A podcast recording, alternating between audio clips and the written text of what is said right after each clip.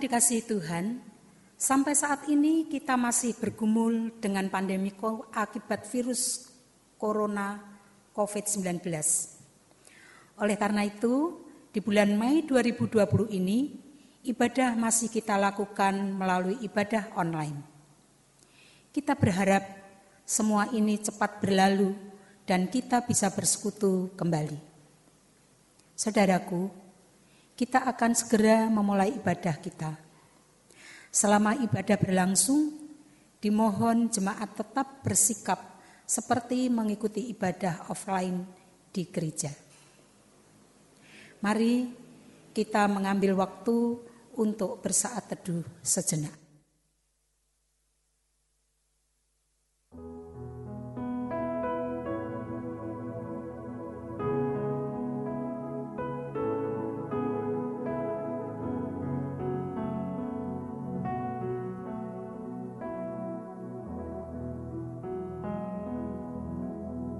Kami mengundang jemaat untuk berdiri. Kita bersama-sama akan memuliakan Tuhan dengan nyanyian PKJ 3, kita nyanyikan dua kali.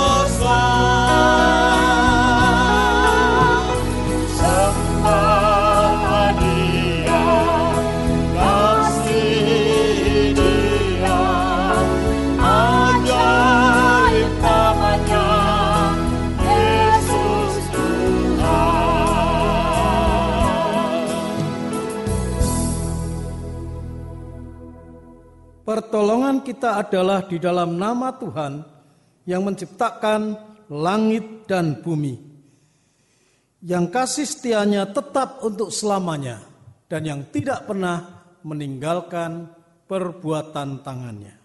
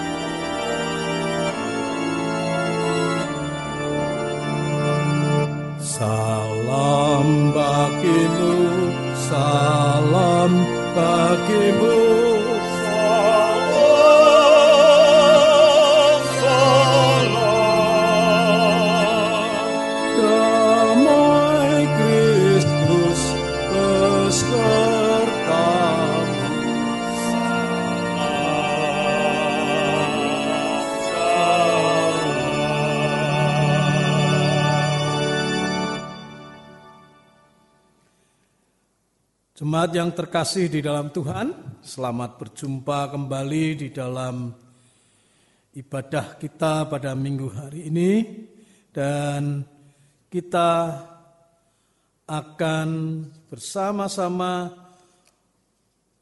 merayakan masih dalam rangkaian Minggu Paskah yang keempat. Dan tema yang akan kita gumuli bersama adalah gembala yang baik. Oleh karena itu, marilah kita pusatkan pikiran dan hati kita. Mari kita datang kepada Tuhan untuk mengaku di hadapan Tuhan. Mari kita berdoa. Terima kasih Tuhan bahwa kami tetap ada di dalam rahmat dan pemeliharaan Tuhan Sang Gembala yang baik. Di tengah-tengah pergumulan kami, di saat kami menghadapi pandemi virus corona, Tuhan tidak pernah meninggalkan kami. Tuhan menyertai kami, dan kami terus merasakan rahmat kasih setia Tuhan yang menyertai kami. Justru kamilah yang sering kali merasakan kebosanan, merasakan keletihan dalam menunggu dan menunggu kapan selesainya wabah ini. Di saat seperti ini tidak jarang kami menggerutu. Tidak jarang kami merasa Tuhan begitu jauh. Kadang-kadang pula kami merasakan bahwa kami menjadi susah dan mengalami berbagai kesulitan dengan tidak mengucap syukur. Namun kami datang di dalam segala keberadaan kami. Kami sadar bahwa kami sering kali masih belum menghayati akan cinta kasih-Mu ya Tuhan. Gembala yang baik yang tidak pernah meninggalkan kami. Oleh karena itu, kuduskanlah kami, berikanlah rahmatmu, supaya kami boleh mengalami kemurahan Tuhan, boleh menghayati kasih sayang Tuhan sebagai gembala yang tidak pernah meninggalkan kami. Kami pasrahkan diri kami di dalam nama Yesus Kristus, Sang Gembala yang baik, demi nama Yesus Kristus. Amin. Dengarlah berita anugerah dari Tuhan bagi kita semua yang mengaku dan merendahkan diri di hadapan Tuhan. Akulah gembala yang baik dan aku mengenal domba-dombaku dan domba-dombaku mengenal aku. Sama seperti Bapa mengenal aku dan aku mengenal Bapa, dan aku memberikan nyawaku bagi domba-dombaku. Demikianlah anugerah dari Tuhan bagi kita. Syukur kepada Allah. Kita nyanyikan Kidung Jemaat 407 bait 1 dan 4.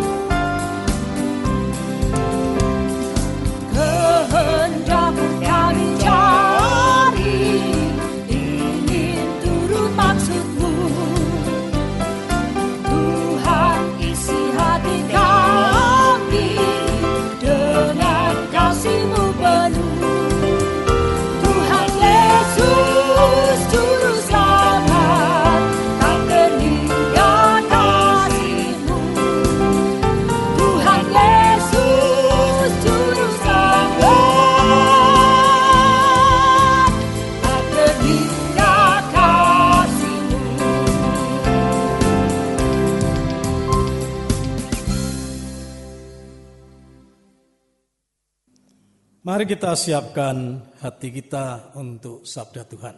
Mari kita berdoa. Ketika kami makin menghayati Engkaulah ya Tuhan gembala yang menuntun kami untuk menikmati rahmat dan kasih sayangmu, maka kami menjumpai sukacita dan kebahagiaan bersama dengan Engkau. Dan ketika kami bersedia untuk mendengarkan firman-Mu, mentaatinya, seperti domba-domba yang mendengar suara gembala, kami akan menjumpai kehidupan kami menjadi kehidupan yang sungguh indah. Maka Ya Tuhan, tolonglah kami agar hati kami bisa tenang dan kami bisa menghayati sabda Tuhan di dalam kehidupan kami. Kami buka hati kami untuk menyambut sabda Tuhan dan karya Roh Kudus di dalam hati kami masing-masing. Dalam nama Yesus Kristus. Amin. Sabda Tuhan diambil dari Injil Yohanes pasal 10 ayat 1 sampai dengan ayat 10. Demikian. Aku berkata kepadamu, sesungguhnya siapa yang masuk ke dalam kandang domba dengan tidak melalui pintu, tetapi dengan memanjat tembok, ia adalah seorang pencuri dan seorang perampok. Tetapi siapa yang masuk melalui pintu, ia adalah gembala domba. Untuk dia, penjaga membuka pintu dan domba-domba mendengar suaranya. Dan ia memanggil domba-dombanya masing-masing menurut namanya dan menuntunnya keluar. Jika semua dombanya telah dibawanya keluar, ia berjalan di depan mereka dan domba-domba itu mengikuti dia karena mereka mengenal suaranya. Tetapi seorang asing pasti tidak mereka ikuti, malah mereka lari daripadanya, karena suara orang-orang asing tidak mereka kenal. Maka kata Yesus sekali lagi, Aku berkata kepadamu, sesungguhnya akulah pintu ke domba-domba itu. Semua orang yang datang sebelum aku adalah pencuri dan perampok. Dan domba-domba itu tidak mendengarkan mereka. Akulah pintu. Barang siapa masuk melalui aku, ia akan selamat. Dan ia akan masuk dan keluar dan menemukan padang rumput. Pencuri datang hanya untuk mencuri dan membunuh dan membinasakan. Aku datang supaya mereka mempunyai hidup dan mempunyainya dalam segala kelimpahan. Demikianlah Injil Yesus Kristus yang berbahagia adalah mereka yang mendengarkan firman Allah dan yang memelihara dalam kehidupannya. Haleluya.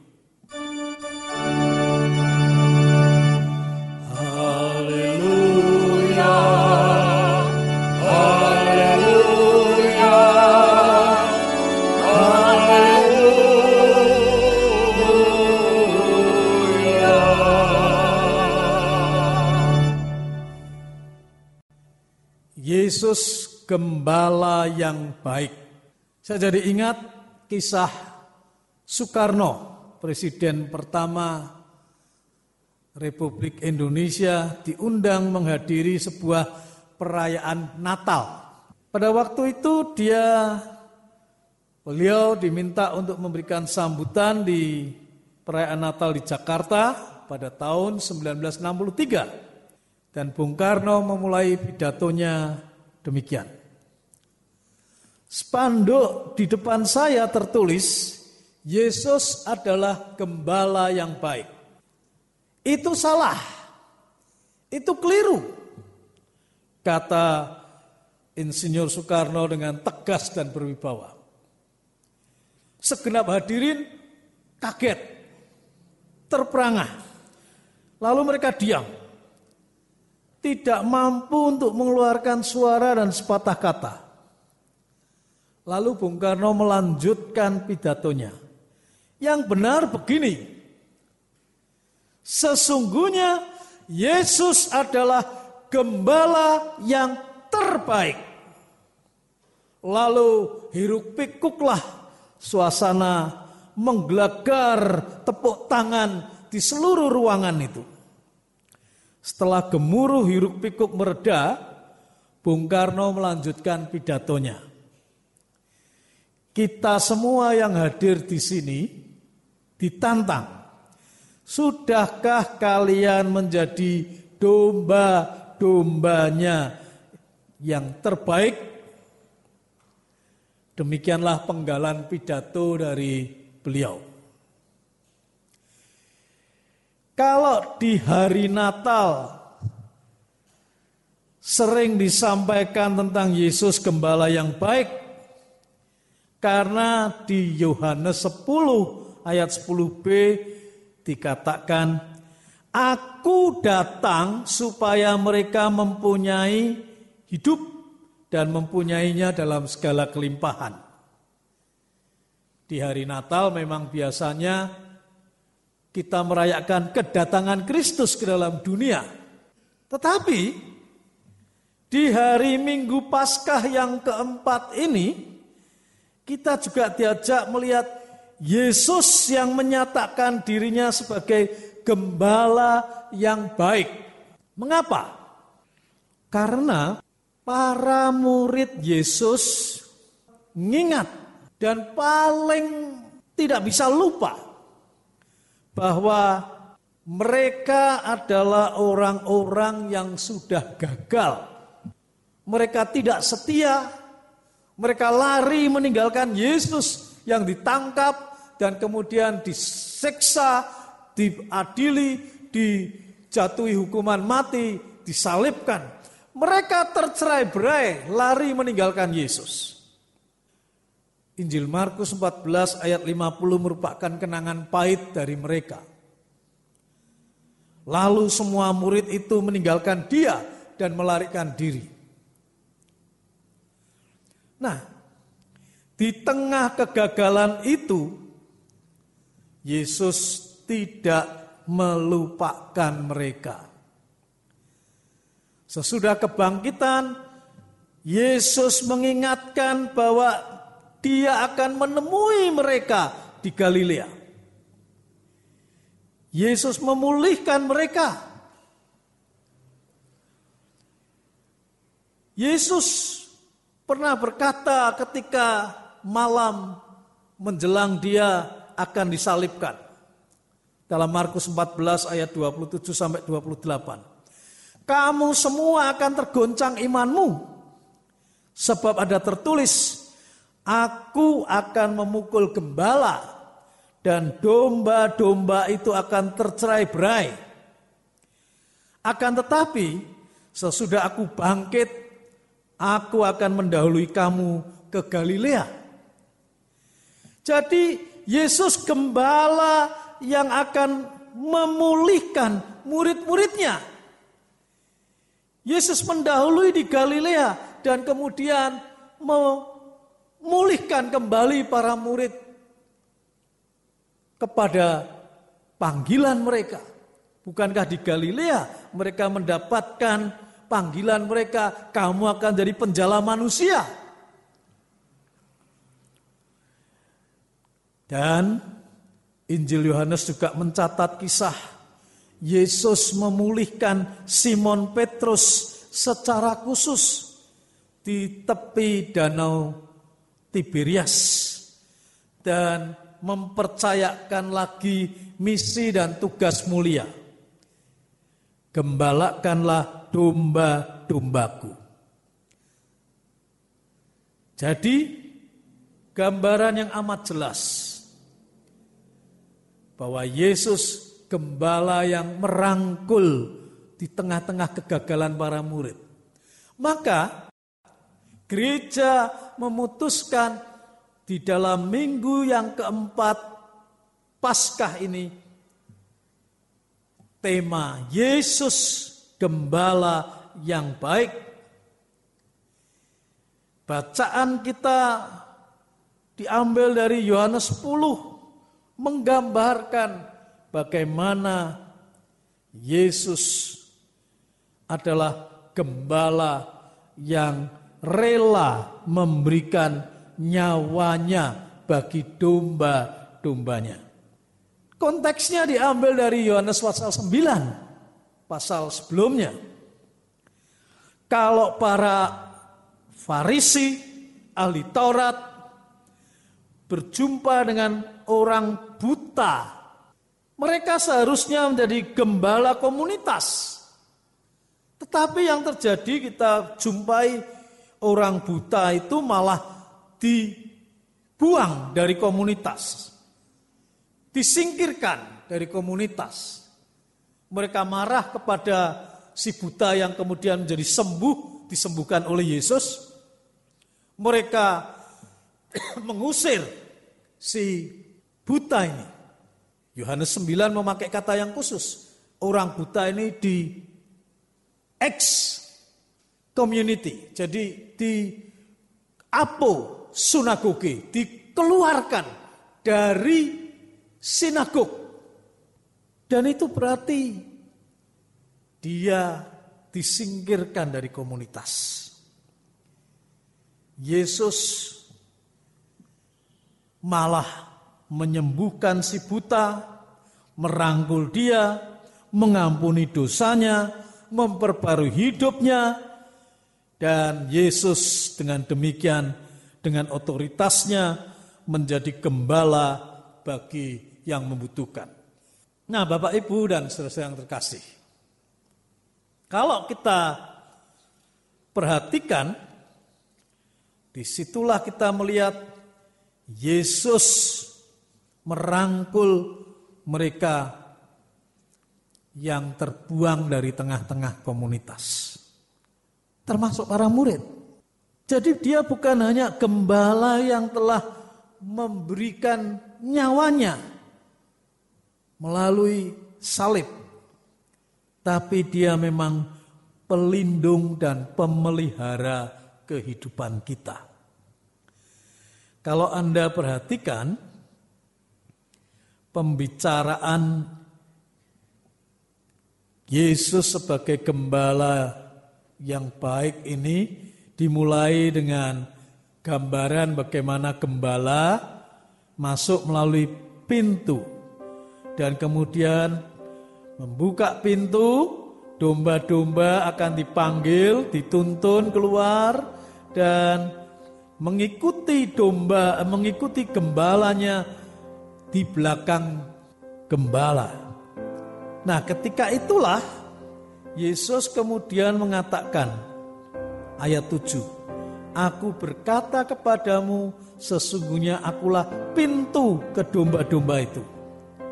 Ini agak membingungkan, karena muncul tiba-tiba di tengah kisah tentang Yesus sebagai gembala, ada ungkapan, aku adalah pintu.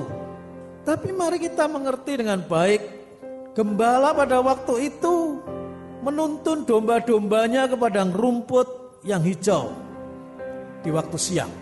Dan kemudian pulang di waktu matahari mulai terbenam dan kemudian mereka akan dimasukkan ke dalam kandang. Kandang pada waktu itu hanya batu yang ditumpuk membentuk tembok yang tidak terlalu tinggi asal para domba sudah tidak bisa lagi meloncat keluar. Dan ada lubang di mana domba-domba bisa masuk di dalam kandang tersebut dari lubang tersebut dan lubang itu tanpa pintu sebetulnya. Lalu bagaimana muncul istilah akulah pintu?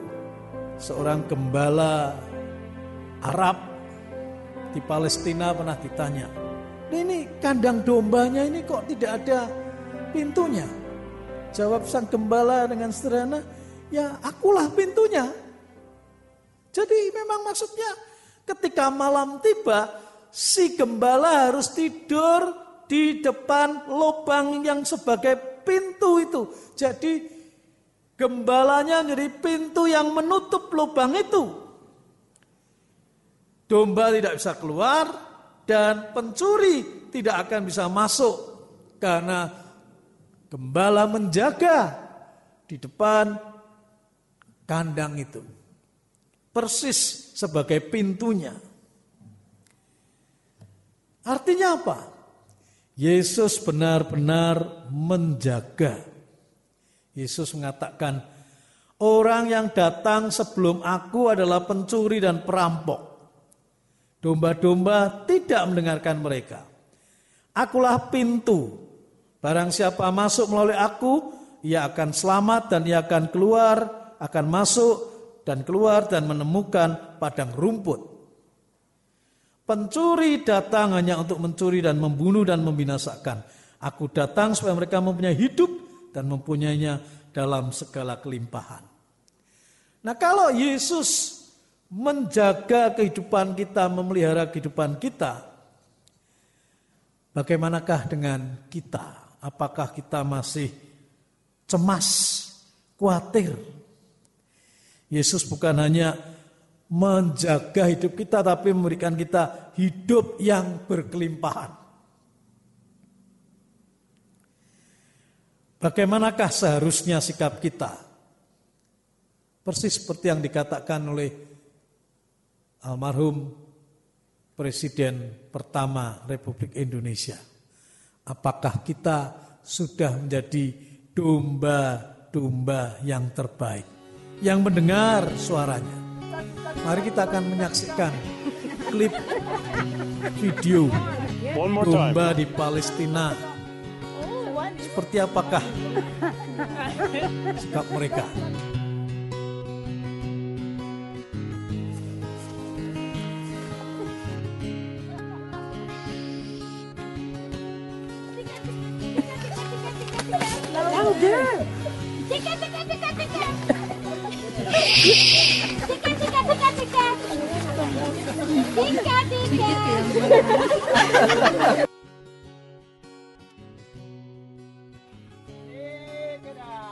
Nah, di klip video ini. Domba yang sering dikatakan binatang tidak cerdas, yang sulit untuk menemukan sendiri makanan dan minuman bagi mereka yang sehat, sering kali mereka salah makan dan keracunan, dan sering kali mereka berjalan tanpa arah tahu-tahu tersesat. Tapi betapapun terbatasnya domba-domba, bagaimanapun kelemahan mereka, satu hal yang paling utama adalah domba-domba mendengarkan gembala yang menuntun mereka. Kita lihat ketika orang lain mencoba memanggil, mereka tidak peduli. Mereka bergeming. Tapi ketika gembala yang memanggil, mereka segera mendengarkan suara gembala. Bagaimanakah dengan kita? Apakah kita mendengar kepada Yesus dengan sungguh-sungguh?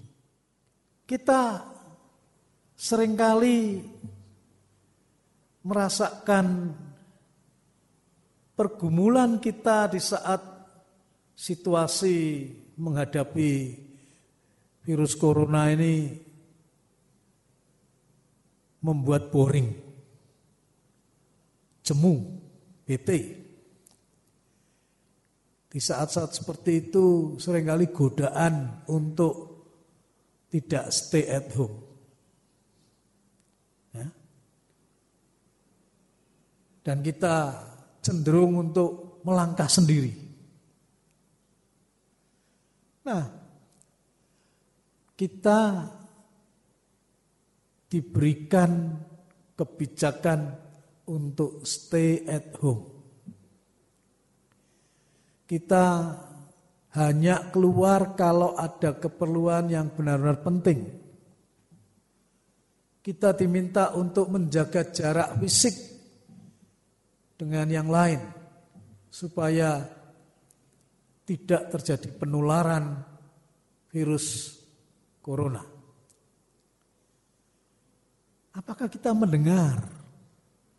Atau kita dalam kebosanan kita kemudian melakukan hal-hal yang bodoh. Dan kita tidak mau mendengar lagi. Hanya untuk mengikuti perasaan kita, kejenuhan kita. Nah kita sedang diuji di tengah-tengah semua pergumulan ini. Apakah kita di saat ini mendengarkan Kristus Sang Gembala kita dengan baik? Kita tidak bisa semau kita. Dikatakan dia juga pintu. Maka kalau kita mau memulai segala sesuatu dalam hidup kita, kita memulainya dari Kristus. Kita keluar dari pintu menuju semua karya, keaktifan hidup, dan semua yang bisa kita nikmati. Tapi tidak boleh lupa kita harus kembali lagi melalui dia sang pintu masuk ke dalam ruang yang terbatas, dirawat, diistirahatkan, dipulihkan, diberikan pembaharuan dan dialah pembatasnya. Setiap kali kita harus masuk kembali dalam kehubungan kita dengan Tuhan, untuk memaknai kembali, recreate, menciptakan ulang, menghadirkan kembali Tuhan di dalam hidup kita setelah kita melewati pergumulan kita sepanjang hari. Jadi apakah kita memulai di dalam Kristus dan mengakhiri kembali kehidupan kita di dalam Kristus? dengan sepenuh hati kita.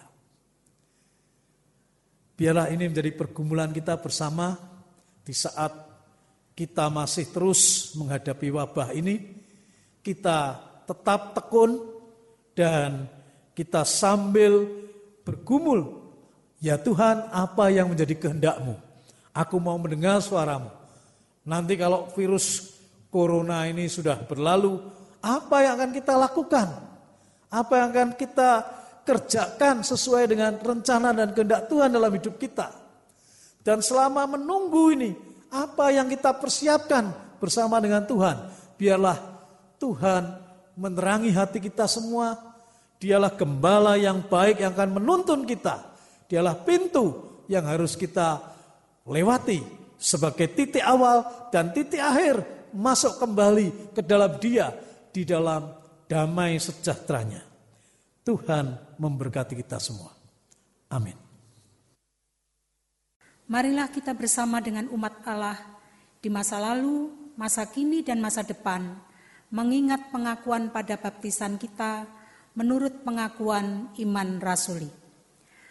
Aku percaya kepada Allah, Bapa yang Maha Kuasa, Khalid langit dan bumi, dan kepada Yesus Kristus, anaknya yang tunggal Tuhan kita, yang dikandung dari roh kudus, lahir dari anak darah Maria, yang menderita sengsara, di bawah pemerintahan Pontius Pilatus, disalibkan, mati dan dikuburkan, turun ke dalam kerajaan maut.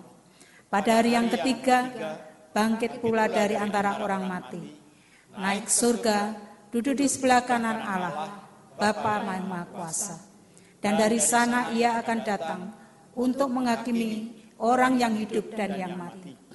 Aku percaya kepada Roh Kudus, gereja yang kudus dan am, persekutuan orang kudus, pengampunan dosa, kebangkitan orang mati, dan hidup yang kekal. Ya Tuhan, kami sungguh bersyukur. Di tengah segala kegelisahan kami, rasa khawatir kami, dan bahkan kengerian kami, Tuhan tidak pernah meninggalkan kami. Tuhanlah gembala yang memelihara kehidupan kami, menuntun kami sedemikian rupa. Berikanlah kepada kami di saat ini, seraya menggumuli apa yang jadi kehendak Tuhan, supaya nanti kami selewat dari COVID-19 ini kami akan tetap dapat melakukan tugas panggilan kami masing-masing dengan sebaik-baiknya sesuai dengan kehendak Tuhan tersebut. Kami juga terus dapat menenangkan hati kami dan merendahkan diri di dalam kasih pemeliharaanmu. Jauhkanlah kami dari kegalauan dan kegelisahan yang membuat kami tidak tahan untuk tinggal di rumah, melakukan hal-hal yang bahkan akan bisa membahayakan diri kami dan seluruh keluarga kami. Mampukanlah kami ya Tuhan makin mengerti bagaimana kami mengisi kesempatan yang terbaik yang Tuhan berikan kepada kami, keluarga kami dengan apa yang indah yang bisa kami lakukan.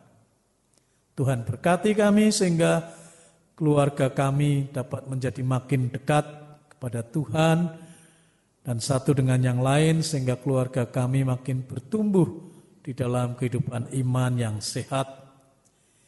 Mampukanlah kami untuk dapat mendukung teman-teman kami, saudara-saudara kami, saudara seiman kami, dan sahabat-sahabat kami melalui mungkin SMS atau telepon dan berbagai hal yang bisa kami lakukan untuk terus menguatkan mereka. Ya Tuhan, kami mendoakan segala upaya pemerintah di tengah segala kesulitan yang ada, kiranya Tuhan menyertai para pemimpin kami sehingga keputusan-keputusan yang terbaik yang dapat dilakukan dan virus corona ini akan segera dapat teratasi dan wabah akan berhenti. Kami doakan juga ya Bapak semua yang dengan segala upaya mereka melakukan tugas. Para polisi yang harus menjaga keamanan dan ketertiban di jalan-jalan. Demikian pula para dokter, perawat, dan para medik lain yang berjuang keras di dalam kesehatan dan harus berhadapan langsung dengan pasien-pasien yang menderita penyakit COVID-19 ini dan sangat berbahaya. Kiranya Tuhan menolong mereka semua. Tuhan berkenan menyertai sehingga mereka senantiasa terpelihara di dalam rahmat Tuhan. Kiranya keperluan-keperluan mereka berupa alat pelindung diri yang baik akan dapat disediakan dengan baik pula sehingga mereka dapat mengurangi sedemikian rupa risiko-risiko yang sangat berbahaya. Tuhan berkatilah segala upaya yang dilakukan oleh pemerintah dalam hal ini. Kami pasrahkan lebih lanjut pergumulan gereja di tengah situasi sosial ini. Biarlah kiranya Gembala yang baik akan benar-benar dapat diwujud nyatakan, dirasakan oleh masyarakat sekitar. Baik melalui jemaat secara pribadi yang memberikan perhatian pada mereka yang terpengaruh, menderita secara langsung maupun tidak langsung di dalam menghadapi wabah penyakit ini, maupun melalui apa yang dapat dilakukan oleh gereja bersama-sama dalam pelayanan diakonianya. Kiranya Tuhan berkati. Terima kasih ya Tuhan. Tak lupa kami terus mendoakan berbagai pergumulan untuk menemukan vaksin dan obat untuk menanggulangi virus corona. Dan kiranya Tuhan memberkati pergumulan para ilmuwan yang terus berjuang dengan segala kesulitan yang ada. Kami pasrahkan diri kami, kami pasrahkan keluarga kami, kami pasrahkan semua orang-orang yang kami kasihi di dalam tangan Yesus Kristus Gembala yang baik. Dengarkanlah ya Tuhan, kiranya apa yang menjadi seru doa kami sesuai dengan apa yang engkau ajarkan di dalam doa Bapa kami. Bapa kami yang di surga, dikuduskanlah namamu, datanglah kerajaanmu, jadilah kehendakmu di bumi seperti di surga. Berikanlah kami pada hari ini makanan kami yang secukupnya. Dan ampunilah kiranya segala kesalahan kami, seperti kami juga mengampuni orang yang bersalah pada kami. Dan janganlah membawa kami ke dalam pencobaan, tetapi lepaskanlah kami daripada yang jahat. Karena engkaulah yang punya kerajaan dan kuasa dan kemuliaan sampai selama-lamanya. Amin.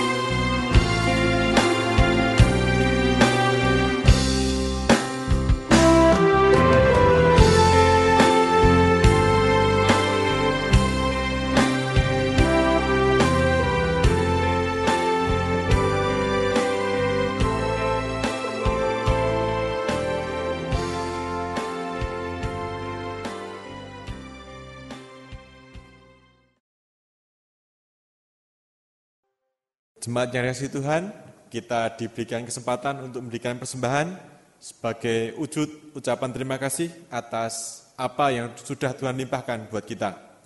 1 Tesalonika 5 ayat 18 menjadi dasar dalam kita akan memberikan persembahan kita.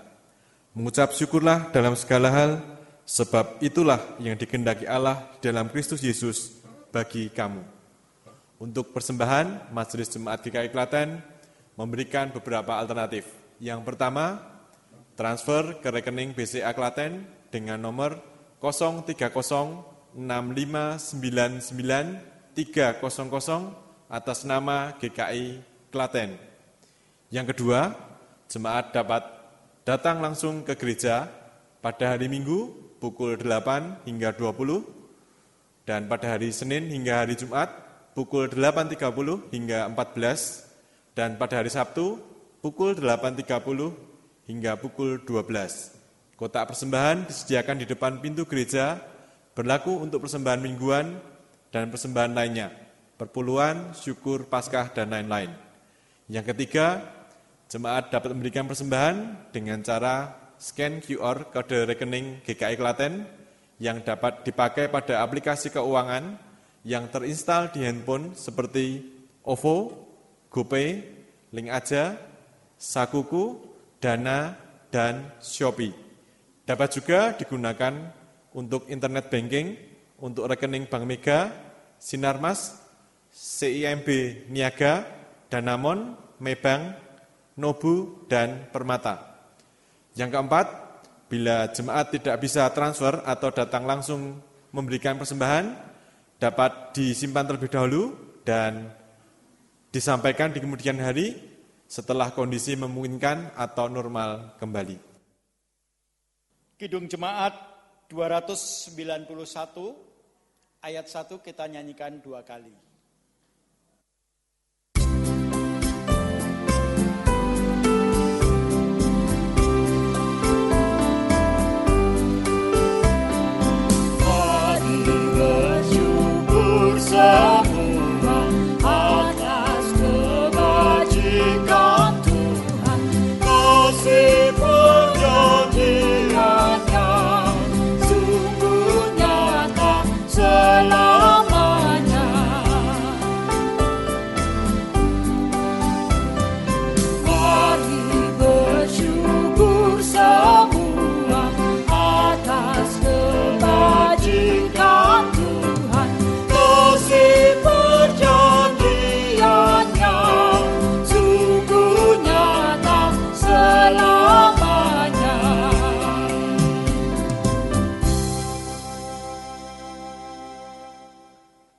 Mari kita berdoa.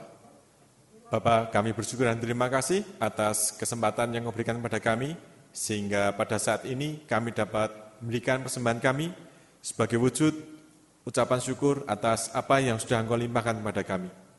Tuhan, kami menyadari apa yang kami berikan tidak sebanding dengan apa yang sudah Engkau limpahkan kepada kami. Namun demikian, biarlah Tuhan berkenan menerima, menyucikan, dan menguduskan persembahan kami ini, sehingga dapat dipakai menjadi alat untuk memuliakan nama Tuhan.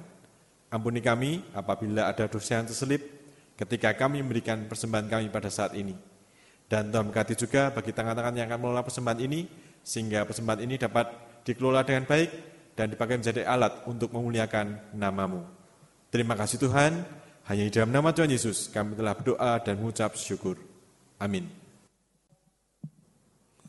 Yesus Gembala yang baik, dia senantiasa menuntun kehidupan kita agar kita benar-benar dapat melakukan kehendaknya. Biarlah kita pasrahkan hidup kita di dalam tangan kasihnya, melakukan apa yang menjadi rencana Tuhan dan menjadi berkat bagi kehidupan di sekitar kita. Tuhan pimpin anakmu. Kidung Jemaat 413 bait 1 dan 2 kita nyanyikan bersama.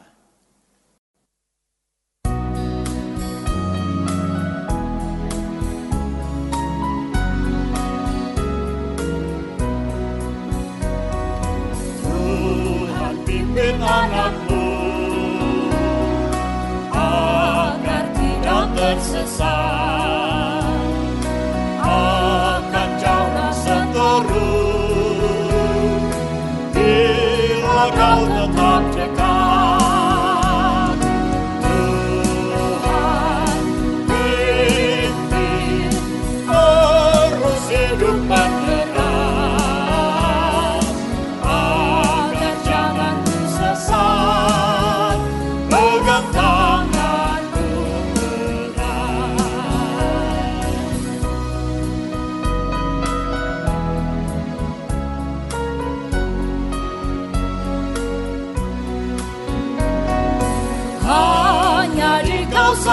la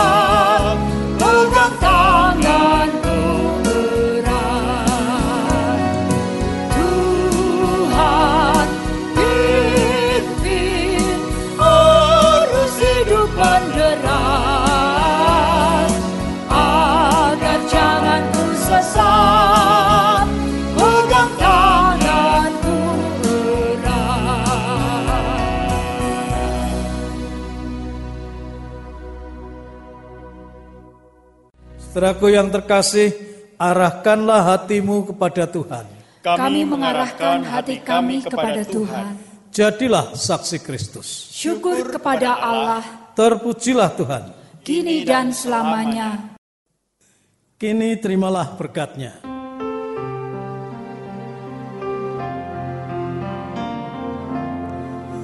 Kasih Tuhan mengiringimu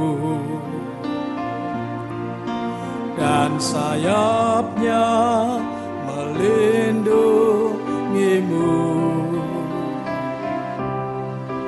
Tangan Tuhan pegang di dalam hidupmu.